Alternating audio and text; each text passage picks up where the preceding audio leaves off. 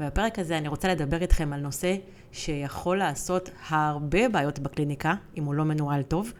ואני יכולה להגיד לכם מניסיון, גם האישי שלי לאורך השנים, וגם עם מטפלים שאני מלווה, שזה נושא שכמעט לכולם יש בעיות איתו, והבעיות סביב הנושא הזה הן רחבות ועמוקות. יש להם את היכולת לגרום למטפלים מעולים לא לפתוח קליניקה בכלל, ואולי גם לסגור אותה אחרי זמן קצר או לא להחזיק מעמד.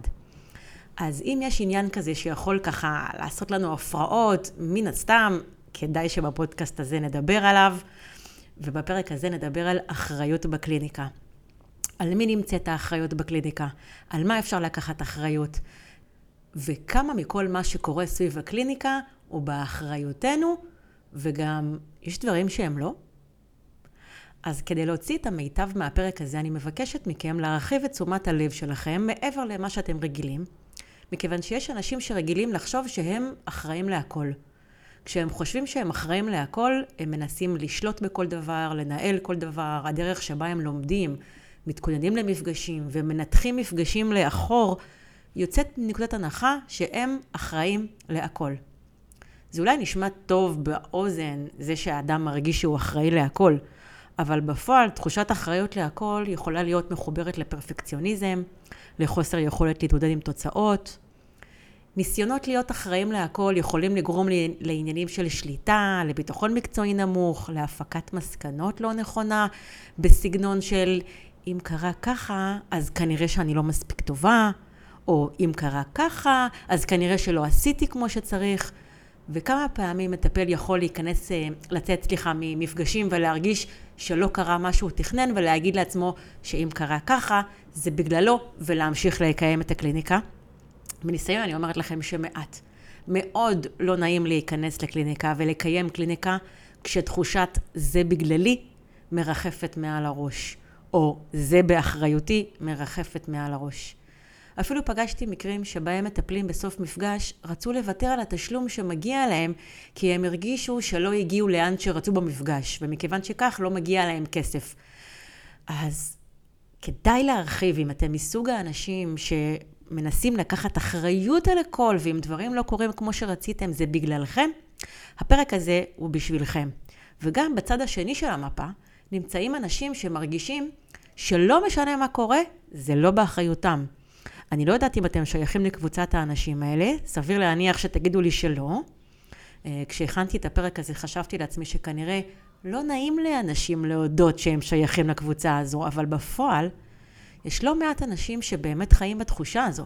יש לא מעט אנשים שאם משהו לא מסתדר או מצליח כפי התוכנית, הם יודעים להגיד מי אשם ולהוציא את עצמם מהמשוואה.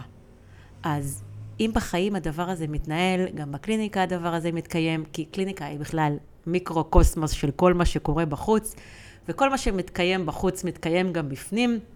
אז אם אתם מכירים את הסיטואציה הזאת של להוריד אחריות ולראות מי האחרים אשמים, אז הנה, גם פה הפרק הזה הולך להיות מאוד מאוד חשוב אה, לכם. כדי להוריד, אה, ככה, כדי להיות יותר הוגנת, אני אוריד רגע את ההכללה שעשיתי מאנשים שרק לוקחים אחריות ואנשים שרק מסירים אחריות. אה, אני אוריד רגע את ההכללה הזאת ואני אגיד שרוב האנשים אה, לוקחים אחריות ומורידים אחריות, לפעמים ככה, לפעמים אחרת, בהתאם לפצע הפרטי שלהם. לפעמים הם לוקחים יותר מדי אחריות ובמצבים אחרים הם מסירים את האחריות בהתאם לסיטואציה, למה הם רוצים להרגיש, מה הם רוצים להכיח, עם מה קשה להם להתמודד.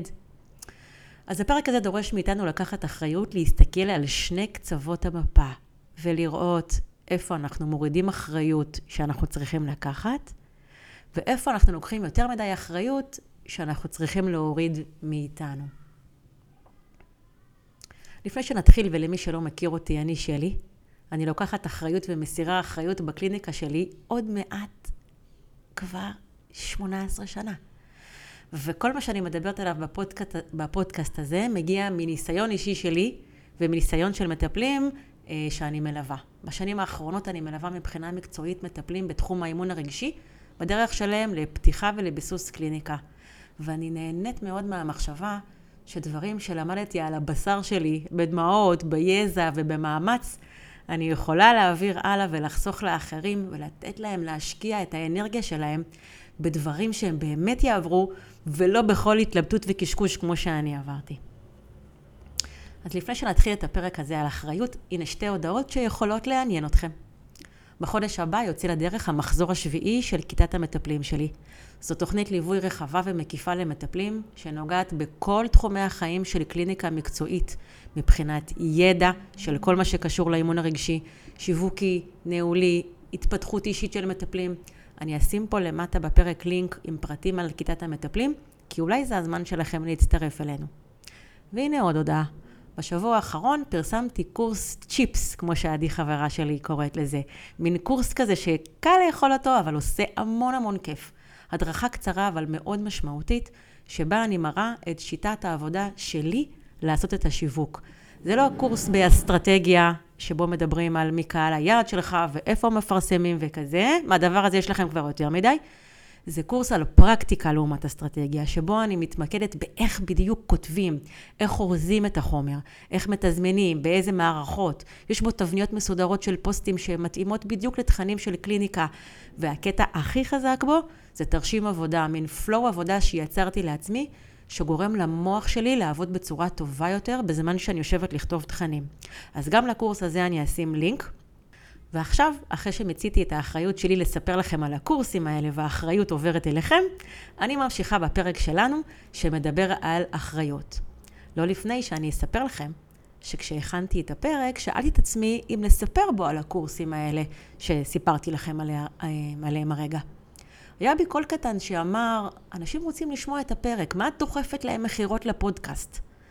זה הקול שלוקח אחריות על מה אנשים רוצים, הוא גם קורא מחשבות ויודע מה אנשים חושבים, הוא גם יודע לספר לי בדיוק מה אנשים ירגישו כשאני אדבר עכשיו בפרק על הקורסים החדשים. החלק הזה גם עבר את החוג לדרמה, כך שהוא יודע להעביר את הטיעונים שלו בצורה מאוד משכנעת, ובגלל זה לעיתים קרובות אני מקשיבה לו. אלא אם אני זוכרת איפה נמצאת האחריות שלי, ועל זה שיש לי אחריות גם לדבר עם החלק הזה שעבר את החוג לדרמה, ולבדוק אם הוא לא סתם מפיץ לי פייק ניוז. הרכישה שלכם את הקורס, או ההצטרפות שלכם לכיתת המטפלים, היא האחריות שלכם. אבל האחריות שלי היא לספר על זה. האחריות שלי היא לעשות את הדברים הכי טוב שאני יודעת. ללמד הכי טוב שאני יודעת, להרוס את הדברים הכי טוב שאני יודעת, לתמחר הכי טוב שאני יודעת, לספר לכם על זה הכי טוב שאני יודעת, ומפה והלאה, זה האחריות שלכם.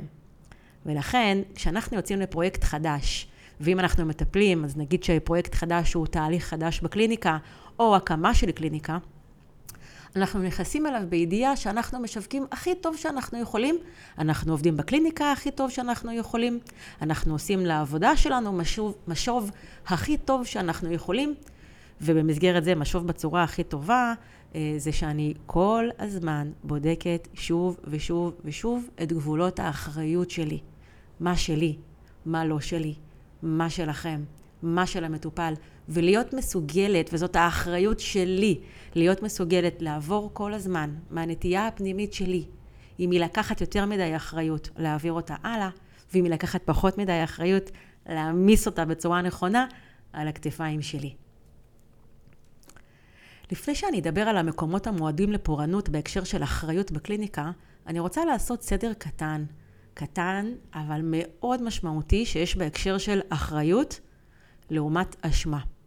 אני חושבת שאם עולם המונחים היה שגור בצורה טובה בשפה הלאומית שלנו, היה לנו קל יותר היום בתקופה הזו. ובכן, בעברית יש נטייה קשוחה לבלבל בין אחריות ובין אשמה. כל דקה בטלוויזיה שואלים מי אחראי ומי לוקח אחריות, ויש אנשים שאומרים בפה מלא שהם אחראים, וכאלה שלא אומרים בכלל שהם אחראים. אבל אם נעשה סדר כדי שיהיה קל להתייחס בצורה רצינית, אשמה או מי אשם אומרים כשמדברים על מי גרם לבעיה, מי יצר אותה, מי אפשר אותה, זו אשמה. אחראי, כשמדברים על אחריות, מדברים על מי מוציא מהבעיה, מי מסדר את הדברים, מי דואג שזה לא יקרה שוב, מי פותר. אחריות מסתכלת עם הפנים קדימה, אשמה מסתכלת לאחור, אחריות מסתכלת עם הפנים קדימה. ואשמה ואחריות הם לא אותו דבר? לא סתם יש שתי מילים שונות. אשמה ואחריות הם דברים שונים לחלוטין. אז כשאנחנו מנתחים סיטואציה שבה יש צורך בביקורת, צריך לבדוק מי אשם, אבל הרבה הרבה יותר מעניין לדעת מי אחראי. כי חשוב להגיד שהאשם לא תמיד יכול להיות האחראי. מי שגרם לבעיה לא תמיד יהיה זה שיפתור את הבעיה. האשם גם לא תמיד מעוניין לפתור את הבעיה, כך שזה לא באמת משנה מי אשם, משנה מי אחראי, מי פותר את הבעיה, ואנחנו מדברים על קליניקה עכשיו, כן? אז כשאנחנו מדברים על קליניקה, כל מי שאי פעם האשמנו אותו לגבי דברים שקרו בקליניקה, בין אם האשמנו את עצמנו שאנחנו לא מספיק טובים, או לא עשינו מספיק נכון, או כל מיני דברים כאלה. ובין אם האשמנו את המטופלים שהם לא פעלו והם לא עשו, כל זה זה לא מעניין. מה שמעניין זה להסתכל על מי אחראי, ופה העניינים באמת באמת מעניינים. אז איפה המקומות המועדים לפורענות בהקשר של אחריות, כשאנחנו מבינים שאחריות היא מי מתקן, מי פותר, מי מוציא מבעיות, ולא מי גרם לבעיות. אז אני אלך לפי שרשרת ההתרחשויות של הדברים ונתחיל משיווק. האחריות על השיווק היא לגמרי שלנו המטפלים. ואני לא רוצה בפרק הזה לדבר על שיווק, כי אני מדברת על זה בהמון פרקים אחרים ובמקומות אחרים, אבל כן יש בכל זאת משהו שחשוב להגיד אה, לגבי שיווק והאחריות של מטפלים. נתחיל מהבדיחה הלעוסה על אדם שטוען לפני אלוהים למה הוא אף פעם לא זוכה בלוטו, ואלוהים עונה לו שלמה לא, רק תמלא את הטופס. אז מטפלים נופלים במקום הזה של אחריות כשהם לא משווקים.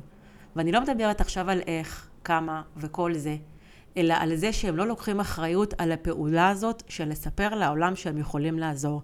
ופה מתחילות בעיות של אשמות. לפעמים אני שומעת מטפלים אמ, שואלים אה, שאלות כמו, איך אני יודעת שאני לא אוכלת לאנשים את הראש, שאני לא מפרסמת יותר מדי, פחות מדי, מציק מדי, דוחף מדי. ובכן, האחריות שלנו המטפלים היא ללמוד את הנושא של שיווק, לדבר בצורה מעניינת, להתאים את עצמנו לפלטפורמה שבה אנחנו מפרסמים. הרבה יותר מעניין מהאחריות הזאת, זו האחריות שלנו לקרוא את התגובות, או להתייחס לאי התגובות, או להבין אם המסרים שלנו עוברים. כי האחריות שלנו היא לא רק להעביר מסרים, שזו אחריות מעניינת לכשעצמה, אה, אבל לעשות את זה, להעביר מסר, זה לא מספיק. יש לנו את האחריות לבדוק אם המסרים שלנו עוברים כמו שאנחנו רוצים. כמה פעמים יצא לי לדבר עם מטפלים שאומרים לי שהם פרסמו כמה פוסטים והשיווק לא עובד. אז זהו, זה לא שהוא לא עובד, זה לא באמת נכון. באימון הרגשי וגם בעולמות ה-NLP יש הנחת יסוד שטוענת שמשמעות התקשורת היא בתגובה שמתקבלת, וזה אומר שאם העברתי מסר והמסר לא הגיע כמו שרציתי, אני צריכה לתקן אותו. לתקן את הדרך, לעשות משהו שונה, להגיד בצורה אחרת. אם חשוב לי להעביר מסר, אני אחראית לזה שאנשים יבינו. ואם הם לא מבינים, אז אני צריכה לעשות אחרת, ושוב אחרת, ושוב אחרת, ושוב אחרת, כי חשוב לי שהם יבינו. אי לקיחת אחריות בהקשר הזה של שיווק, זה למשל להתייאש עוד בכלל לפני שהתחלנו.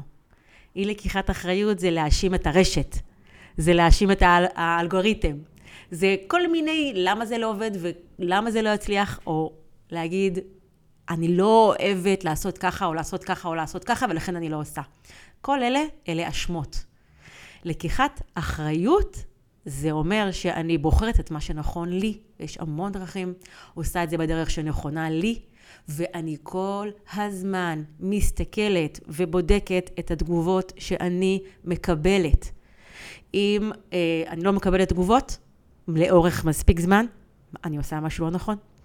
אם אני מקבלת תגובות עוקצניות, אני עושה משהו לא נכון. אם אני מקבלת משובים רק מאימא שלי וחברות שלי, אני עושה משהו לא נכון, וזאת האחריות שלי אם אני מקדמת את הקליניקה. אה, כוכבית קטנה, אין נכון או לא נכון בשיווק. אה, יש את מה שנכון לך, כל עוד אתה בודק שאתה מקבל את התוצאות שאתה רוצה. היה חשוב לי לדבר על זה, ועכשיו נמשיך. למטופלים יש אחריות לסנן אנשים בקליניקה, וגם על הנושא הזה דיברתי בלא מעט פרקים בפודקאסט, ואני לא רוצה להרחיב, אבל מטפל שלא מסנן, מתנהג בחוסר אחריות. קודם כל, עבור האנשים שהוא מכניס לקליניקה, אם אני לא מתאימה מבחינת הידע שלי, מבחינת הניסיון שלי, מבחינת האנרגיה שלי, מבחינת הפניות שלי, אם אני לא האדם הנכון לתת את השירות הזה, ואני בכל זאת מאפשרת את השירות, אני פועלת בצורה לא אחראית. ולמה אני אומרת לא אחראית ולא אומרת שאני אשמה? כי אני אשמה בכל מה שיקרה כתוצאה מזה שהכנסתי לקליניקה אנשים לא מתאימים. אבל אני בייחוד לא אחראית כלפי כל המקרים שיחזרו על עצמם שוב ושוב ושוב ושוב בעתיד. וזה אומר שאני לא חושבת בכלל על הזכות הגדולה שלי להפסיק את זה בעתיד, או לשפר את המיומנות שלי בש... בסינון. מותר לטעות בסינון. זה קורה המון בייחוד בהתחלה. זה קורה גם אחר כך, כי מה לעשות, אנחנו בני אדם. אבל זו אחריות שלנו לעשות את הכי טוב שאנחנו יכולים כדי לסנן ולהעניק את השירות הנכון לאנשים הנכונים שאנחנו נכונים להם. מטפלים בתחילת הדרך חושבים שמה שהם צריכים זה אה, להתאמן עליו, זה על הכלים שלהם, או להרגיש ביטחון שהם יודעים מה לעשות בקליניקה. ואני אומרת שאחד האימונים הכי חשובים, הכי חשובים, שהם בחזקת אחריות רצינית של המטפל, זה לדעת שהם צריכים לסנן ולדעת איך לסנן נכון. האחריות של מטפל זה לדעת שהוא צריך לסנן. זה לדעת איך לסנן נכון. וזה להקדיש תשומת לב קבועה כל הזמן לתהליכי הסינון שלו, לעשות הבטחת איכות, בקרה ותיקונים לאורך כל הדרך. בתחילת הדרך, אני חושבת, כמי שמלווה מטפלים, יותר חשוב להשקיע תשומת לב בסינון, מאשר בלדעת אם אתה יודע לעבוד נכון בקליניקה. קודם כל בסינון. כי להכניס אנשים לא נכונים או שאני לא נכונה להם, מפריע לגמרי בלדעת אם עבדתי נכון או לא. במה יכול להפריע לאנשים לסנן? לפעמים זה הרצון להרוויח כסף, לפעמים זו התחושה שאני נורא רוצה להציל מישהו או להושיע, לפעמים זה חוסר מקצוענות, לפעמים אלה דפוסים של ריצוי. בכל אופן, כל מטפל אחראי להכיר את נקודות החולשה שלו, אחרת הוא אשם. אז דיברנו על שיווק, דיברנו על סינון, בואו נדבר מה קורה בתוך הקליניקה. מי אחראי לתהליך בקליניקה? מי אחראי לריפוי? אנשי שיווק העתיקו מודלים של הבטחות מתחומים שאינם טיפול אה, לתחום הטיפול, ובזה עשו נזק נוראי לעולם הטיפול. כשבעל חנות מבטיח לאדם שכשהוא נכנס לחנות הוא יסתובב, הוא יבחר לעצמו את הכוס שהוא אוהב וישלם אה, עליה, הוא מאה אחוז יקבל את הכסף, את הכוס הזאת, זאת הבטחה נהדרת. זה באמת גורם לאנשים להיכנס לחנות ולקנות. אחר כך ההבטחה הפשוטה הזאת עברה למכירות על החשבון, מה שנקרא, תיכנס לחנות, תראה את המוצרים, אני מבטיחה לך שתוך שבוע תקבל במשלוח את מכונת הכביסה שהזמנת, ואני אעמוד בהבטחה הזאת. הבטחות זה דבר שגורם לאנשים לקנות. ולקנות זה לא דבר גס, זה דבר נהדר. אנשים קונים את מה שהם רוצים ואת מה שהם צריכים. ואם אני מבטיחה להם שממני הם יקבלו שירות נעים, וגם ב-100% יקבלו את המוצר, וב-100% הוא יגיע אליהם ביום הזה כמו שקבענו, איזה מדהים זה להבטיח, כי זה מעורר ביטחון. אז מה קורה עם קליניקה? כי אם להבטיח זה מעורר ביטחון, אז גם בקליניקה אני צריכה להבטיח ולי קשה היום לראות פרסומים של תוך שלושה מפגשים נגמול אותך מעישון. עזבו את זה שאני אגמול אותך, יש לי הרבה בעיות עם המשפט הזה, אבל נגיד שאני מתייחסת להבטחה, תוך שלושה ימים. ומה קורה עם כל מי שלא נגמל? על זה לא מדברים. ואם הוא לא ייגמל, כנראה שמשהו אצלו לא בסדר, האשמה אצלו היא לא. אולי הוא לא בא מחויב, הוא לא עושה, אולי הוא לא עושה את מה שאומרים. אה, אולי יש אחוז מסוים של אנשים שזה לא עובד עליהם, ודווקא אתה נפלת באחוז הזה. אז בהחלט יכול להיות שהמטופל לא מקיים את החלק שלו בהבטחה. לפעמים באשמתו, לפעמים שלא, אבל מי אשם בכלל בזה שיש הבטחה? ומי האחראי שההבטחות האלה ימשיכו וימשיכו ולא ייפסקו וירדו כבר מעולם השיווק של המטפלים? אני כבר תקופה ארוכה לא מוכרת את הקליניקה שלי, אני מוכרת תוכניות ליווי למטפלים. אבל אני מכירה את המתחרים שלי. אני בכוונה לא אומרת עכשיו קולגות, כי הקולגות שלי, אנשים שאני מעריכה אותם כקולגות, לעולם לא יבטיחו שתוך שלושה חודשים תהיה לכם קליניקה ותתפרנסו בסכומים של חמש ספרות לחודש. אנשים שאני מעריכה אותם כקולגות, לעולם לא יבטיחו שתהיה לכם קליניקה בכלל. קולגות שלי לא יבטיחו למטפלים שהם מלווים שהם ימלאו להם את הקליניקה. כי קליניקה מלאה זה לא כמה אנשים יפנו אליך, זה כמה אנשים אתה יודע לעשות איתם תהליך איכותי. ולמען האמת, קולגות שלי לא ימלאו את הקליניקה. הם ילמדו אותך למלא את הקליניקה שלך בכוחות עצמך, כי זה מה שנכון. הם אולי יעזרו, גם אני עוזרת בשמחה ומפנה אנשים לתלמידים שלי, אבל אני בחיים לא אבטיח למטפלים שאני אמלא להם את הקליניקה. וביום שאני אעשה את זה, זה לא יקרה, אבל ביום שאני אעשה דבר כזה, תדעו שאני פועלת בחוסר אחריות, לא באשמה. אשמה זה בטוח, אבל בחוסר אחריות, כי אני מאפשרת לבעיות להמשיך ולהמשיך ולהמשיך. אני לא מונעת מבעיה רצינית מאוד מלהמשיך להתקיים, וזה חוסר אחריות. ונכון, זה קשה למכור קליניקה, וזה קשה לי למשל למכור תהליכים של ליווי של מטפלים, כשאני לא מבטיחה הבטחות. אז מה? אז מה אם זה קשה? זה מאתגר, אם נקרא לזה במילים אחרות, וזה דורש ממני להיות בהמון המון אחריות ולשים לב למה אני מבטיחה ולמה אני לא מבטיחה ועל מה אני יכולה לקחת אחריות ועל מה לא, ולהוביל קו מאוד ברור שמדבר בשפה של אחריות ולא מדבר בשפה של אשמות. אז בואו נחזור רגע לקליניקה ולא למכירת קורסים. אז מה כן מבטיחים? אם אנחנו לא יכולים להבטיח תוצאות בקליניקה? לפני שאני אענה, אני רגע אתן כוכבית קטנה. בעולם הטיפול אסור להבטיח תוצאות. ואם אתם רוצים להבטיח תוצאות על סמך סטטיסטיקה, נגיד שעשיתם איזו סטטיסטיקה וראיתם את אחוזי התוצאות שלכם וראיתם שזה משהו שכדאי לדבר עליו, אתם צריכים להגיד באותה נשימה שהטיפול לא מתאים לכולם, שיש סינון, וגם מה קורה אם זה לא מצליח. אם לא התייחסתם לכל אלה, אתם לא באחריות ואתם בחתיכת אשמה. אוקיי, אז נמשיך לדבר על מה כן מבטיחים ועל מה לא מבטיחים. אז בקליניקה שלנו, אמ, אנחנו אף פעם לא מבטיחים תוצאות, אנחנו מבטיחים רק דברים שנמצאים במיקוד שליטה פנימי שלנו, המטפלים. את זה ורק את זה. אני מבטיחה לעשות את הכי טוב שלי. אני מבטיחה להיות הכי מקצועית שאני יכולה. אם יש לי כבר ניסיון, יש לי עדויות שמה שאני עושה יכול להיות טוב, אז אני יכולה לספר על, העוד... על העדויות האלה. זה לא מבטיח טוב לכולם, אבל יש עדויות, עדות היא לא הבטחה. אני מבטיחה להיות הכי מקצוענית שאני יכולה. אני מבטיחה שאני לומדת, אני מבטיחה שאני לוקחת ליווי, אה, הדרכות, לימודים, כדי לשפר את עצמי כל הזמן. את זה אני מבטיחה. אני מבטיחה לעצור כשאני רואה שאין לי את הכלים הנכונים. אני מבטיחה לשקף את מה שאני רואה. נכון, יש אנשים שזה לא מספיק להם. זה לא מספיק להם ההבטחות שאני עושה את הכי טוב שאני יכולה, זה לא מספיק להם כדי לבוא אליי לקליניקה, או לבוא אליי לקורסים במקרה שלי. יש אנשים שרוצים הבטחות והתחייבות לתוצאות. מי האחראי לזה אנחנו כבר אה, יודעים, מי אשם בזה אנחנו כבר יודעים, ומי האחראי לקיים את הדבר הזה לעתיד? אני כמטפלת. אני אחראית בקליניקה, וזו ממש אחריות שלי, לא בהכרח לספק לאנשים את מה שהם מבקשים. אלא לספר להם על מה אני יכולה לתת. אני אחראית לספר נכון על מה שיש לי לתת, ולא להתחיל תהליך עם אנשים שרוצים 100% של תוצאות. כי אם לא נקבל 100% של תוצאות כמו שהם רצו וציפו, אני פוגעת לא רק בהם, אלא גם בי, ובכלל, בכל קהילת המטפלים ובעולם הטיפול. עכשיו בואו נדבר רגע על ריפוי.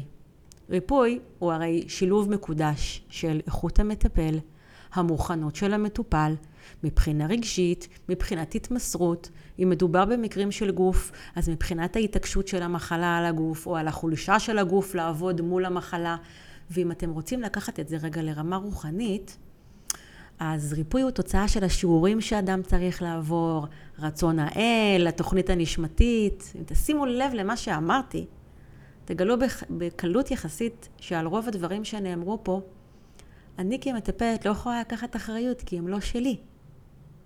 האחריות שלי היא לדעת את זה, להתייחס לזה, להיות כנה בתיאום ציפיות עם מטופלים כשאני מדברת איתם. כל אלה הם אחריויות שלי. אבל אני רוצה עכשיו לקחת אתכם רגע למקרה יותר מסובך. נגיד שאני עשיתי את הכי טוב שלי. אה, למדתי הכי טוב, סיננתי את הכי טוב, עבדתי הכי טוב, ולא קיבלנו את התוצאה כמו שרצינו. אני אשמה. לעתים קרובות אני מלווה מטפלים שמסתובבים עם תחושת אשמה כשדברים לא קורים אה, כמו שהם רצו.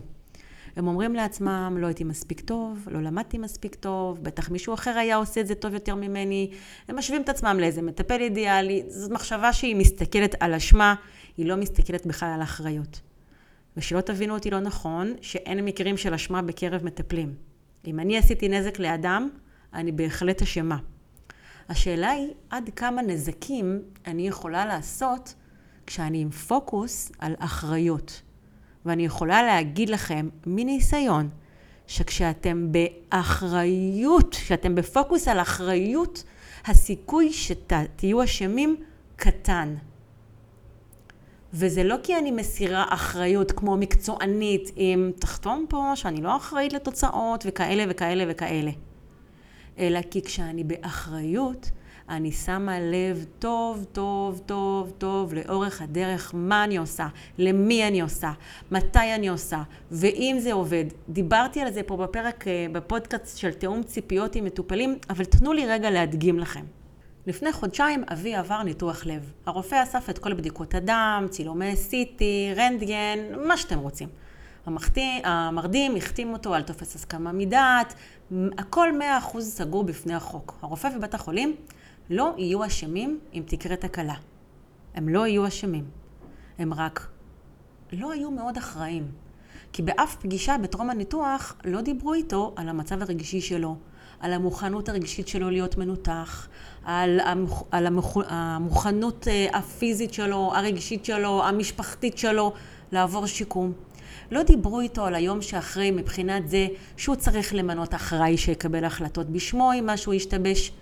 בעצם הרופא ובית החולים הסתכלו על אשמה והתגוננו בפני אשמה, אבל לא הביטו אה, על אחריות ולא לקחו אחריות רחבה. אה, בזה שהם לא לקחו אחריות, הם גם לא סיפרו לאדם שיש פה אזורים שלמים שכדאי לו לקחת אחריות עליהם, להכיר אותם, לדעת אותם, לקחת אותם בחשבון. יכול להיות שאבא שלי הוא האדם הראשון שהסתבך בניתוח, אני לא יודעת. יכול להיות שקרה דברים שהרופא בבית החולים לא ידעו שיכולים לקרות. משהו אומר לי שזה לא האמת, ושבאחריות טובה דברים היו נראים אחרת. וסלחו לי על הציניות, זו דרכי שכואב לי.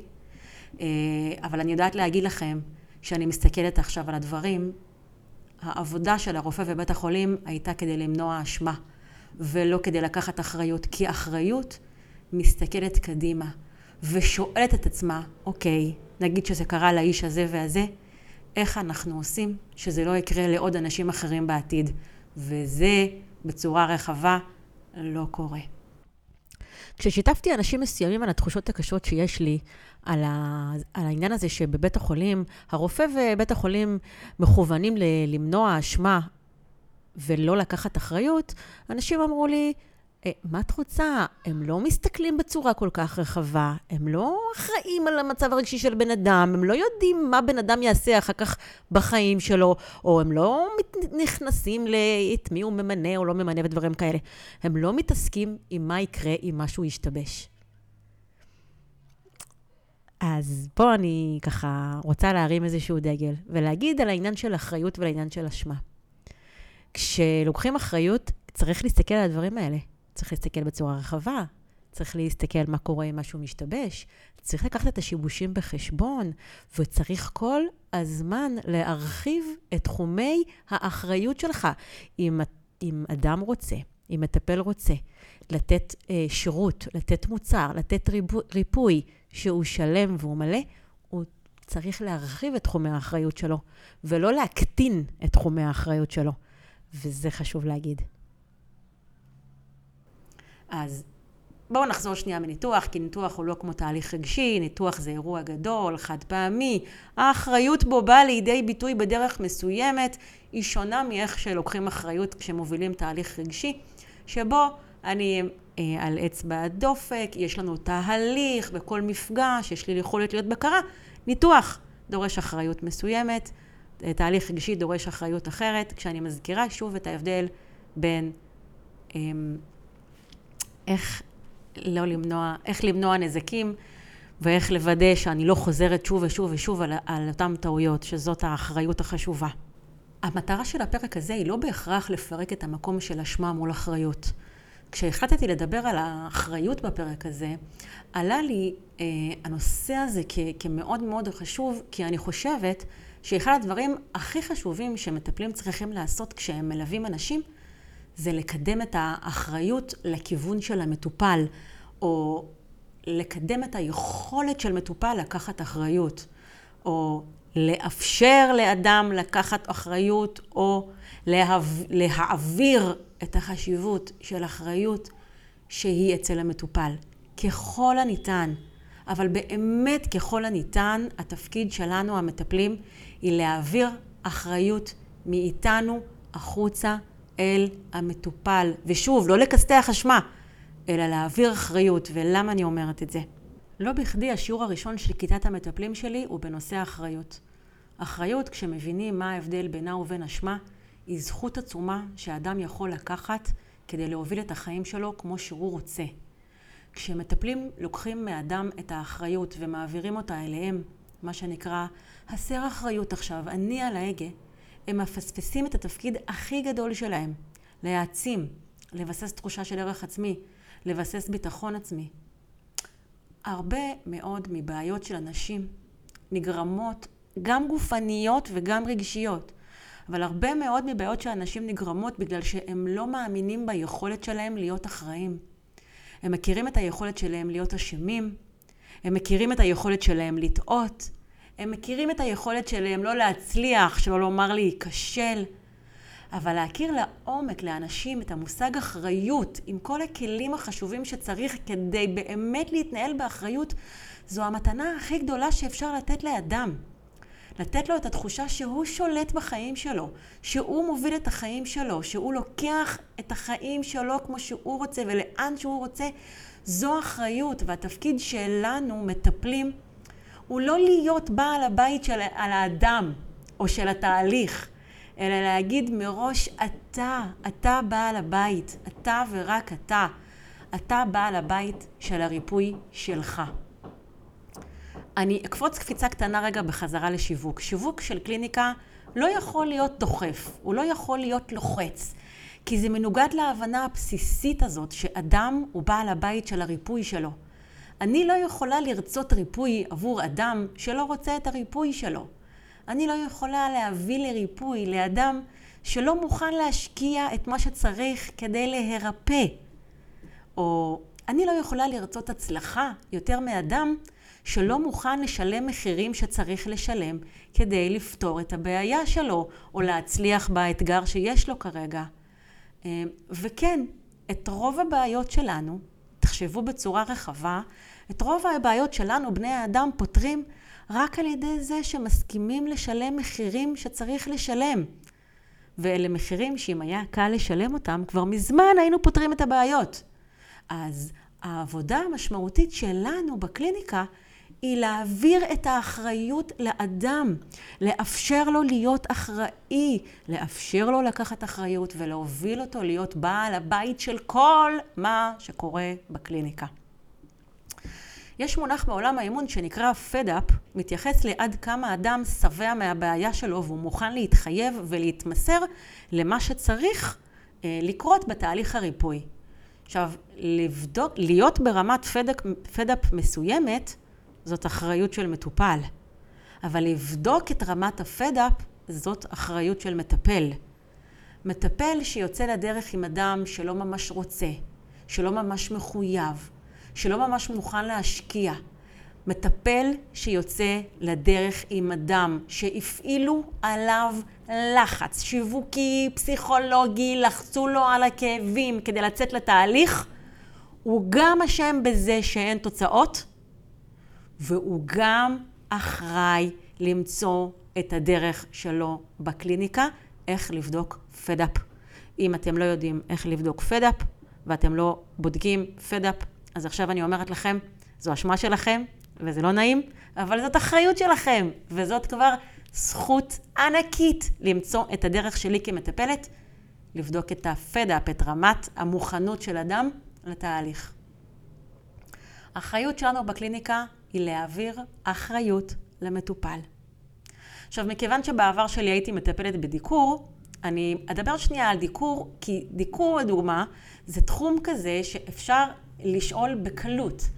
איך אני מעבירה אחריות למטופל? הרי אני צריכה להכיר את הסימפטומים, אני צריכה להכיר את נקודות הדיקור ולדעת לדקור נכון. איך המטופל יכול לקחת אחריות פה? זה אפילו נגיד יותר קשה בדיקור להבין איך להעביר אחריות החוצה, מאשר נגיד, נגיד בתהליכים של אימון רגשי. אז נגיד הלכתי על המקרה הקשה, דיקור, רפלקסולוגיה, דברים כאלה שאנשים באים, שוכבים על המיטה ואומרים, מטפל, תעשה את הקסמים שלך ותעזור לי. אז כן, גם בטיפולים שכביכול מטופל בא, שוכב על המיטה והמטפל עושה את הקסמים שלו כדי לעזור, אה, מטפל צריך להעביר אחריות למטופל.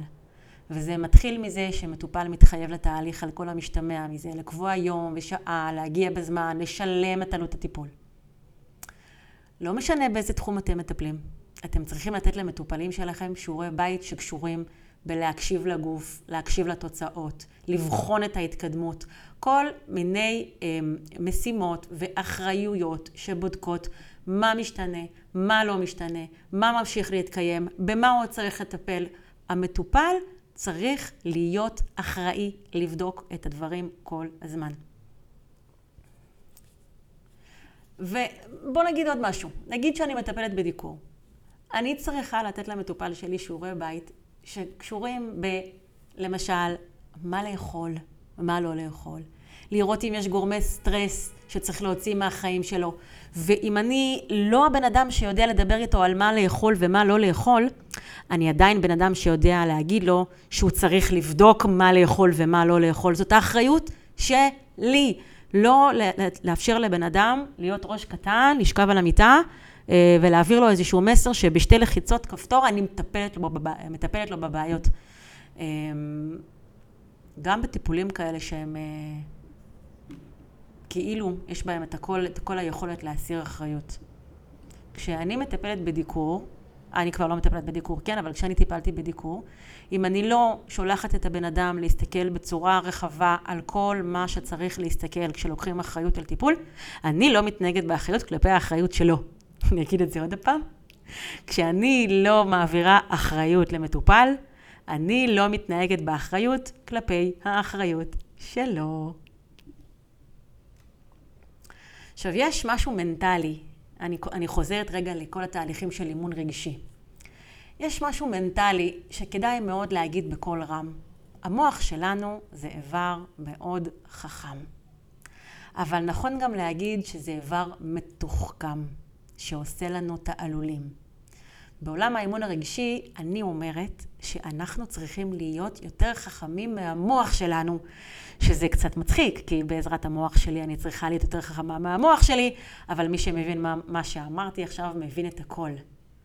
דרך אגב, הרבה ממה שאמרתי עכשיו זה מה שלומדים בכיתת המטפלים, איך להיות יותר חכמים מהמוח שלי.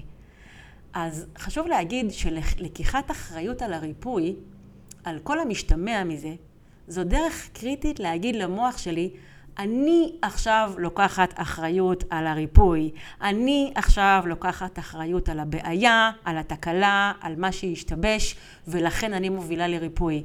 והמסר הזה לא יכול לעבור בצורה טובה כשמטופל אומר בהתנהגות שלו, אני עכשיו אעביר את האחריות למטפלת שלי, היא תפתור לי את הבעיה. אם אני רוצה לדבר רגע בצורה מטאפורית, ללכת לטיפול בלי לקחת אחריות על הטיפול, זה כמו לעשות מנוי לחדר כושר בלי ללכת לאימונים. אה, אבל אני רוצה לתת לכם עוד, אה, עוד ככה דוגמה. לפני שבועיים, באחד ממפגשי ה supervision שאני מלווה, המטפל אמר לי איזה משפט שצבט לי את הלב. הוא אמר לי, פתאום באיזשהו רגע במפגש עלתה בי תחושת פחד שאולי אני מוביל את המטופל למקום הלא נכון. ואני רוצה בפרק הזה להתייחס למשפט הזה, כי קודם כל הוא נאמר במסגרת הכי אחראית שיש. הוא נאמר במסגרת האחריות של המטפל, לקחת הדרכה, להיות מלווה, לשים לב לקשיים שלו ולהובלה שלו, ולשתף, ואין אחראי מזה. ויחד עם זה, יש פה לקיחת אחריות של המטפל על משהו שהוא לא יכול להיות אחראי עליו. המטפל לעולם לא יכול להיות זה שקובע לאן הולכים בטיפול. וזה לא משנה אם אנחנו מלווים במקרה של זוגיות ויש התלבטות אם להשאיר או אם להישאר או להיפרד, או בפיטורים אה, ויש שאלות אם לעזוב או להישאר, או, או אם ללכת לניתוח כזה או אחר וההתלבטות הורסת לבן אדם את הבריאות מרוב התלבטויות ובגלל זה הוא הגיע לקליניקה, או אם יש התלבטות אם לקחת חיסון או תרופה, או, או אפילו נגיד במקרה שלי, בשביל הדוגמה הקטנה, כמורה של מטפלים. אני יכולה ללמד את המטפלים את מה שאני יודעת על שיווק, אבל אני לעולם לא אקח אחריות על אם הם יעשו שיווק או לא. אני יכולה ללמד בכיתה הכי טוב שאני יכולה את הפסיכולוגיות העמוקות שאני מכירה וראיתי בשטח. אבל אני לא יכולה להיות אחראית על מה המטפל יעשה עם זה בשטח, ואני יודעת את זה. ומטפל שפועל באחריות יכול לתת למטופל את הביטחון שהוא, המטופל, מוביל את התהליך של עצמו. כשמטפל לוקח אחריות אל עצמו, הוא מוריד מהמטופל את הזכות הגדולה לקבל החלטות, לעשות ביקורת לתהליך הטיפולי. לא, הוא מוריד ממנו את היכולת לעשות הבטחת איכות ולהקשיב לקולות הפנימיים שלו. הוא מוריד ממנו את הזכות להיות אחראי לתוצאות. ולדבר הזה יש המון המון השלכות. אנחנו אף פעם בקליניקה לא יכולים לקבוע לאן מובילים. המטופל מוביל לאן, הוא קובע לאן מובילים. אנחנו יכולים לעזור לו להתוות את הדרך, לתת לו כלים ללכת את, את הדרך לאן שהוא רוצה להגיע. מתוך המקום הזה מגיע המשפט שלפעמים הפרה רוצה להעניק יותר ממה שעגל רוצה לינוק. בעולם הטיפול רואים את זה מאוד מאוד טוב. לפעמים מטפלים רוצים ריפוי יותר ממה שהמטופלים רוצים. לפעמים המטפלים, מכל מיני סיבות, רוצים תהליכים בקליניקה יותר ממה שהמטופלים רוצים. לפעמים למטופלים יש אג'נדות, למשל, לא להתגרש כי, כי זאת אג'נדה שלהם והם מובילים למקומות כאלה. לפעמים יש למטופ, למטפלים אג'נדות שהם מובילים בקליניקה, שזה טעות. אג'נדה למטפל זה רעיון רע מאוד. אה, וזאת אחריות אה, שמטפל לוקח על עצמו, שהיא חסרת אחריות. האחריות שלנו היא לתת לבן אדם את הביטחון לקחת אחריות על הבחירות שלו, ללכת בדרך בצורה הכי נוחה. בדרך, ה, ה, ה, מה שנקרא, לתת לו את הכלים איך להתמודד כשלא נוח בדרך, איך להתמודד עם קשיים. אבל כל הזמן האחריות נמצאת על המטופל. אוף, אני מרגישה שבא לי להגיד הרבה. לסיום הפרק הזה, הנה כמה כלים פרקטיים שיעזרו לכם לבדוק אם אתם באחריות או לא, ויעזרו לכם להעביר אחריות למטופל. זה באמת על קצה המזלג, מקווה שזה יעשיר אתכם. אחד, תעבדו עם setting מסודר. המונח setting בעולם הטיפול מתייחס לכל מה שקורה מסביב למה שקורה בתוך הקליניקה. אה, יום ושעה קבועים, עלות קבועה, משך קבועה של מפגשים, איפה נפגשים. תקבעו את ה setting שמתאים לכם, אין setting שמתאים לכולם, ממש תמצאו את הדרך שלכם, אבל אחרי שמצאתם את מה שאתם מאמינים שזה מה שעובד, תאלצו, כן, ממש תאלצו מטופלים להתאים את עצמם ל setting. עכשיו, מה זה אומר? למטופל יש את הזכות להחליט אם ה setting שאתם מציעים מתאים לו או לא, זו זכות שלו. אה, אבל אם אתם לא שומרים על setting ואתם מסכימים אה, פעם לעשות ככה ופעם לא לעשות ככה ולבוא בכל מיני תדירויות מוזרות שאנשים אה, מחליטים ולא לשלם כי זה יקר ולאחר או כל מיני להגיע פעם בשבועיים כל מיני דברים כאלה. אם אתם אה, לא שומרים על setting אתם בעצם פוגמים באחד הכלים הכי משמעותיים שיש לכם לשמור על האחריות של האדם לקחת אה, אחריות על הריפוי שלו. אה, בעצם כשאתם מאלצים אדם לבחור ב setting שלכם, כי אתם שומרים על כל מה שחשוב מחוץ לקליניקה, אתם מאלצים אדם להוכיח שהוא לוקח אחריות. עכשיו שוב, חשוב לי להגיד כדי להיות ברורה, כל מטופל רשאי לבדוק אם העלות שאתם מבקשים נוחה לו ואם הוא משלם או לא, אם נוח לו לעבוד בדרך הזאת או לא, לבדוק אם זה מתאים או לא. הדרך שלכם היא לא הדרך הכי טובה. היא צריכה להיות טובה עבורכם, ולמטופל יש את הזכות לבחור, ובהינתן שהוא בחר לעבוד איתכם, אתם צריכים לשמור על setting קבוע, כי setting קבוע הוא הדרך של בן אדם להוכיח למוח שלו שהוא לקח אחריות. גם אם לפעמים זה יקר בכיס, גם אם לפעמים לא בא להגיע למפגש, גם אם לפעמים, אה, לא יודעת מה, יש כל מיני אילוצים. לעמוד ב setting מעיד למוח שאני עכשיו לוקחת אחריות. שתיים, שיעורי בית. אני נוהגת לסיים מפגשים עם השאלה מה לקחת, מה לקחת מהמפגש, אבל אחריות טובה כוללת בתוכה גם שיעורי בית. לפעמים שיעורי בית הם משהו לעשות, לפעמים הם משהו לשים לב אליו, לפעמים זה משהו למדוד, זה לא משנה. כל מה שאתם, בהתאם לטיפול שאתם נותנים, כל מה שאתם מרגישים שיכול לקדם לקיחת אחריות ומעורבות של אדם אה, בתהליך של עצמו.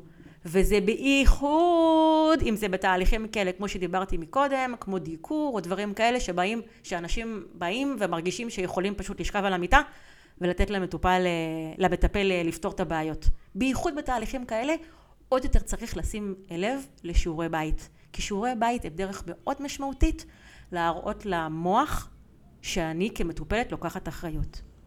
שלוש, כשדברים לא הולכים כמו שרציתם או תכננתם, אחריות אמיתית וטובה תהיה לשאול את עצמכם מה החלק שלכם. איפה אולי פספסתם, מה לא ראיתם, אה, איזה הבטחת איכות אתם צריכים לעשות, זו ממש חובה אמיתית. וביחד עם זה, אתם חייבים, חייבים, חייבים להסתכל בצורה רחבה על האדם שאתם מלווים. מידת, ה, אמ, מידת המעורבות שלו, מידת האחריות שלו, המוכנות שלו לריפוי. האם יש בעיות אקולוגיות בריפוי? שבעיות אקולוגיות בריפוי זה נושא ענק בפני עצמו, אני לא אדבר עליו עכשיו, אבל מטפל איכותי צריך לקחת בחשבון אם תהליך הריפוי עלול לפתוח בעיות אחרות גדולות יותר עבור האדם. ואם יש בעיות גדולות יותר שיפתחו, אם אני ארפא איזושהי בעיה, זה עלול להפריע לריפוי.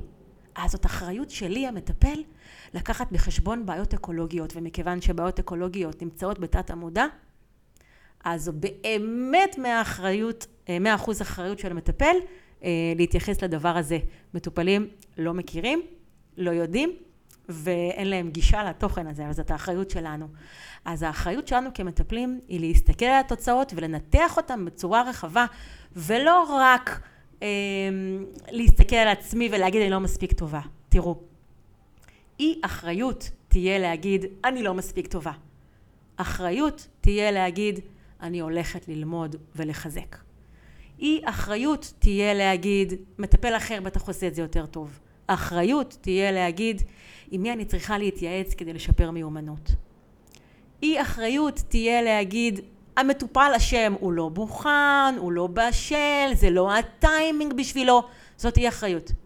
אחריות תהיה לבדוק את זה מראש, ואם במקרה מגלים את זה לאורך הדרך וזה יכול לקרות, לשקף את זה בצורה טובה, ולא כזאת שמוציאה מטופלים עם אכזבה, אשמה ותחושת השפלה, ואני אומרת את זה כי הדבר הזה קורה לעיתים קרובות, שתהליכים לא מצליחים ומטפלים מגלגלים את האשמה על המטופלים. אני מרגישה שבא לי לדבר על זה עוד הרבה, אמרתי את זה כבר כמה פעמים, והפרק ארוך. אז אני אקח אחריות ואפסיק כעת את ההקלטה, ואגיד לכם, שאם יש לכם שאלות אתם מוזמנים לשאול אותי. אם תרצו הרחבה על משהו שדיברתי עליו פה, אתם מוזמנים לכתוב לי. אמ, אם אתם רוצים להעמיק את הידע שלכם בתחום האימון הרגשי, התוכנית, התוכנית לליווי מטפלים מתחילה, הנה אני אומרת לכם את זה שוב, כי יש לי אחריות להביא מטפלים טובים אליי לתוכניות הליווי ואני רוצה שזה יקרה, אז אני מדברת על זה. אני מאחלת לכם שתרגישו עד כמה העבודה שלכם מועילה, ושתדעו שזה לא יד המקרה או יד הגורל שעשתה הצלחות בקליניקה, אלא שזו האחריות שלכם יצרה ואפשרה את זה שהדברים ילכו כמו שאתם רוצים. לסיום הפרק הזה אני רוצה להגיד בקול רם תודה רבה לאנשים שעכשיו הם חיילים בצבא שלנו. תודה שאתם שומרים עלינו, נלחמים בגוף שלכם ובנשמה שלכם את המלחמה שמצילה את כולנו פה בישראל. ואני רוצה לקרוא קריאה עצומה מעומק הבטן למי שזה אמור להגיע אליו. תחזירו את החטופים והשבויים הביתה. עכשיו. תודה שהייתם איתי.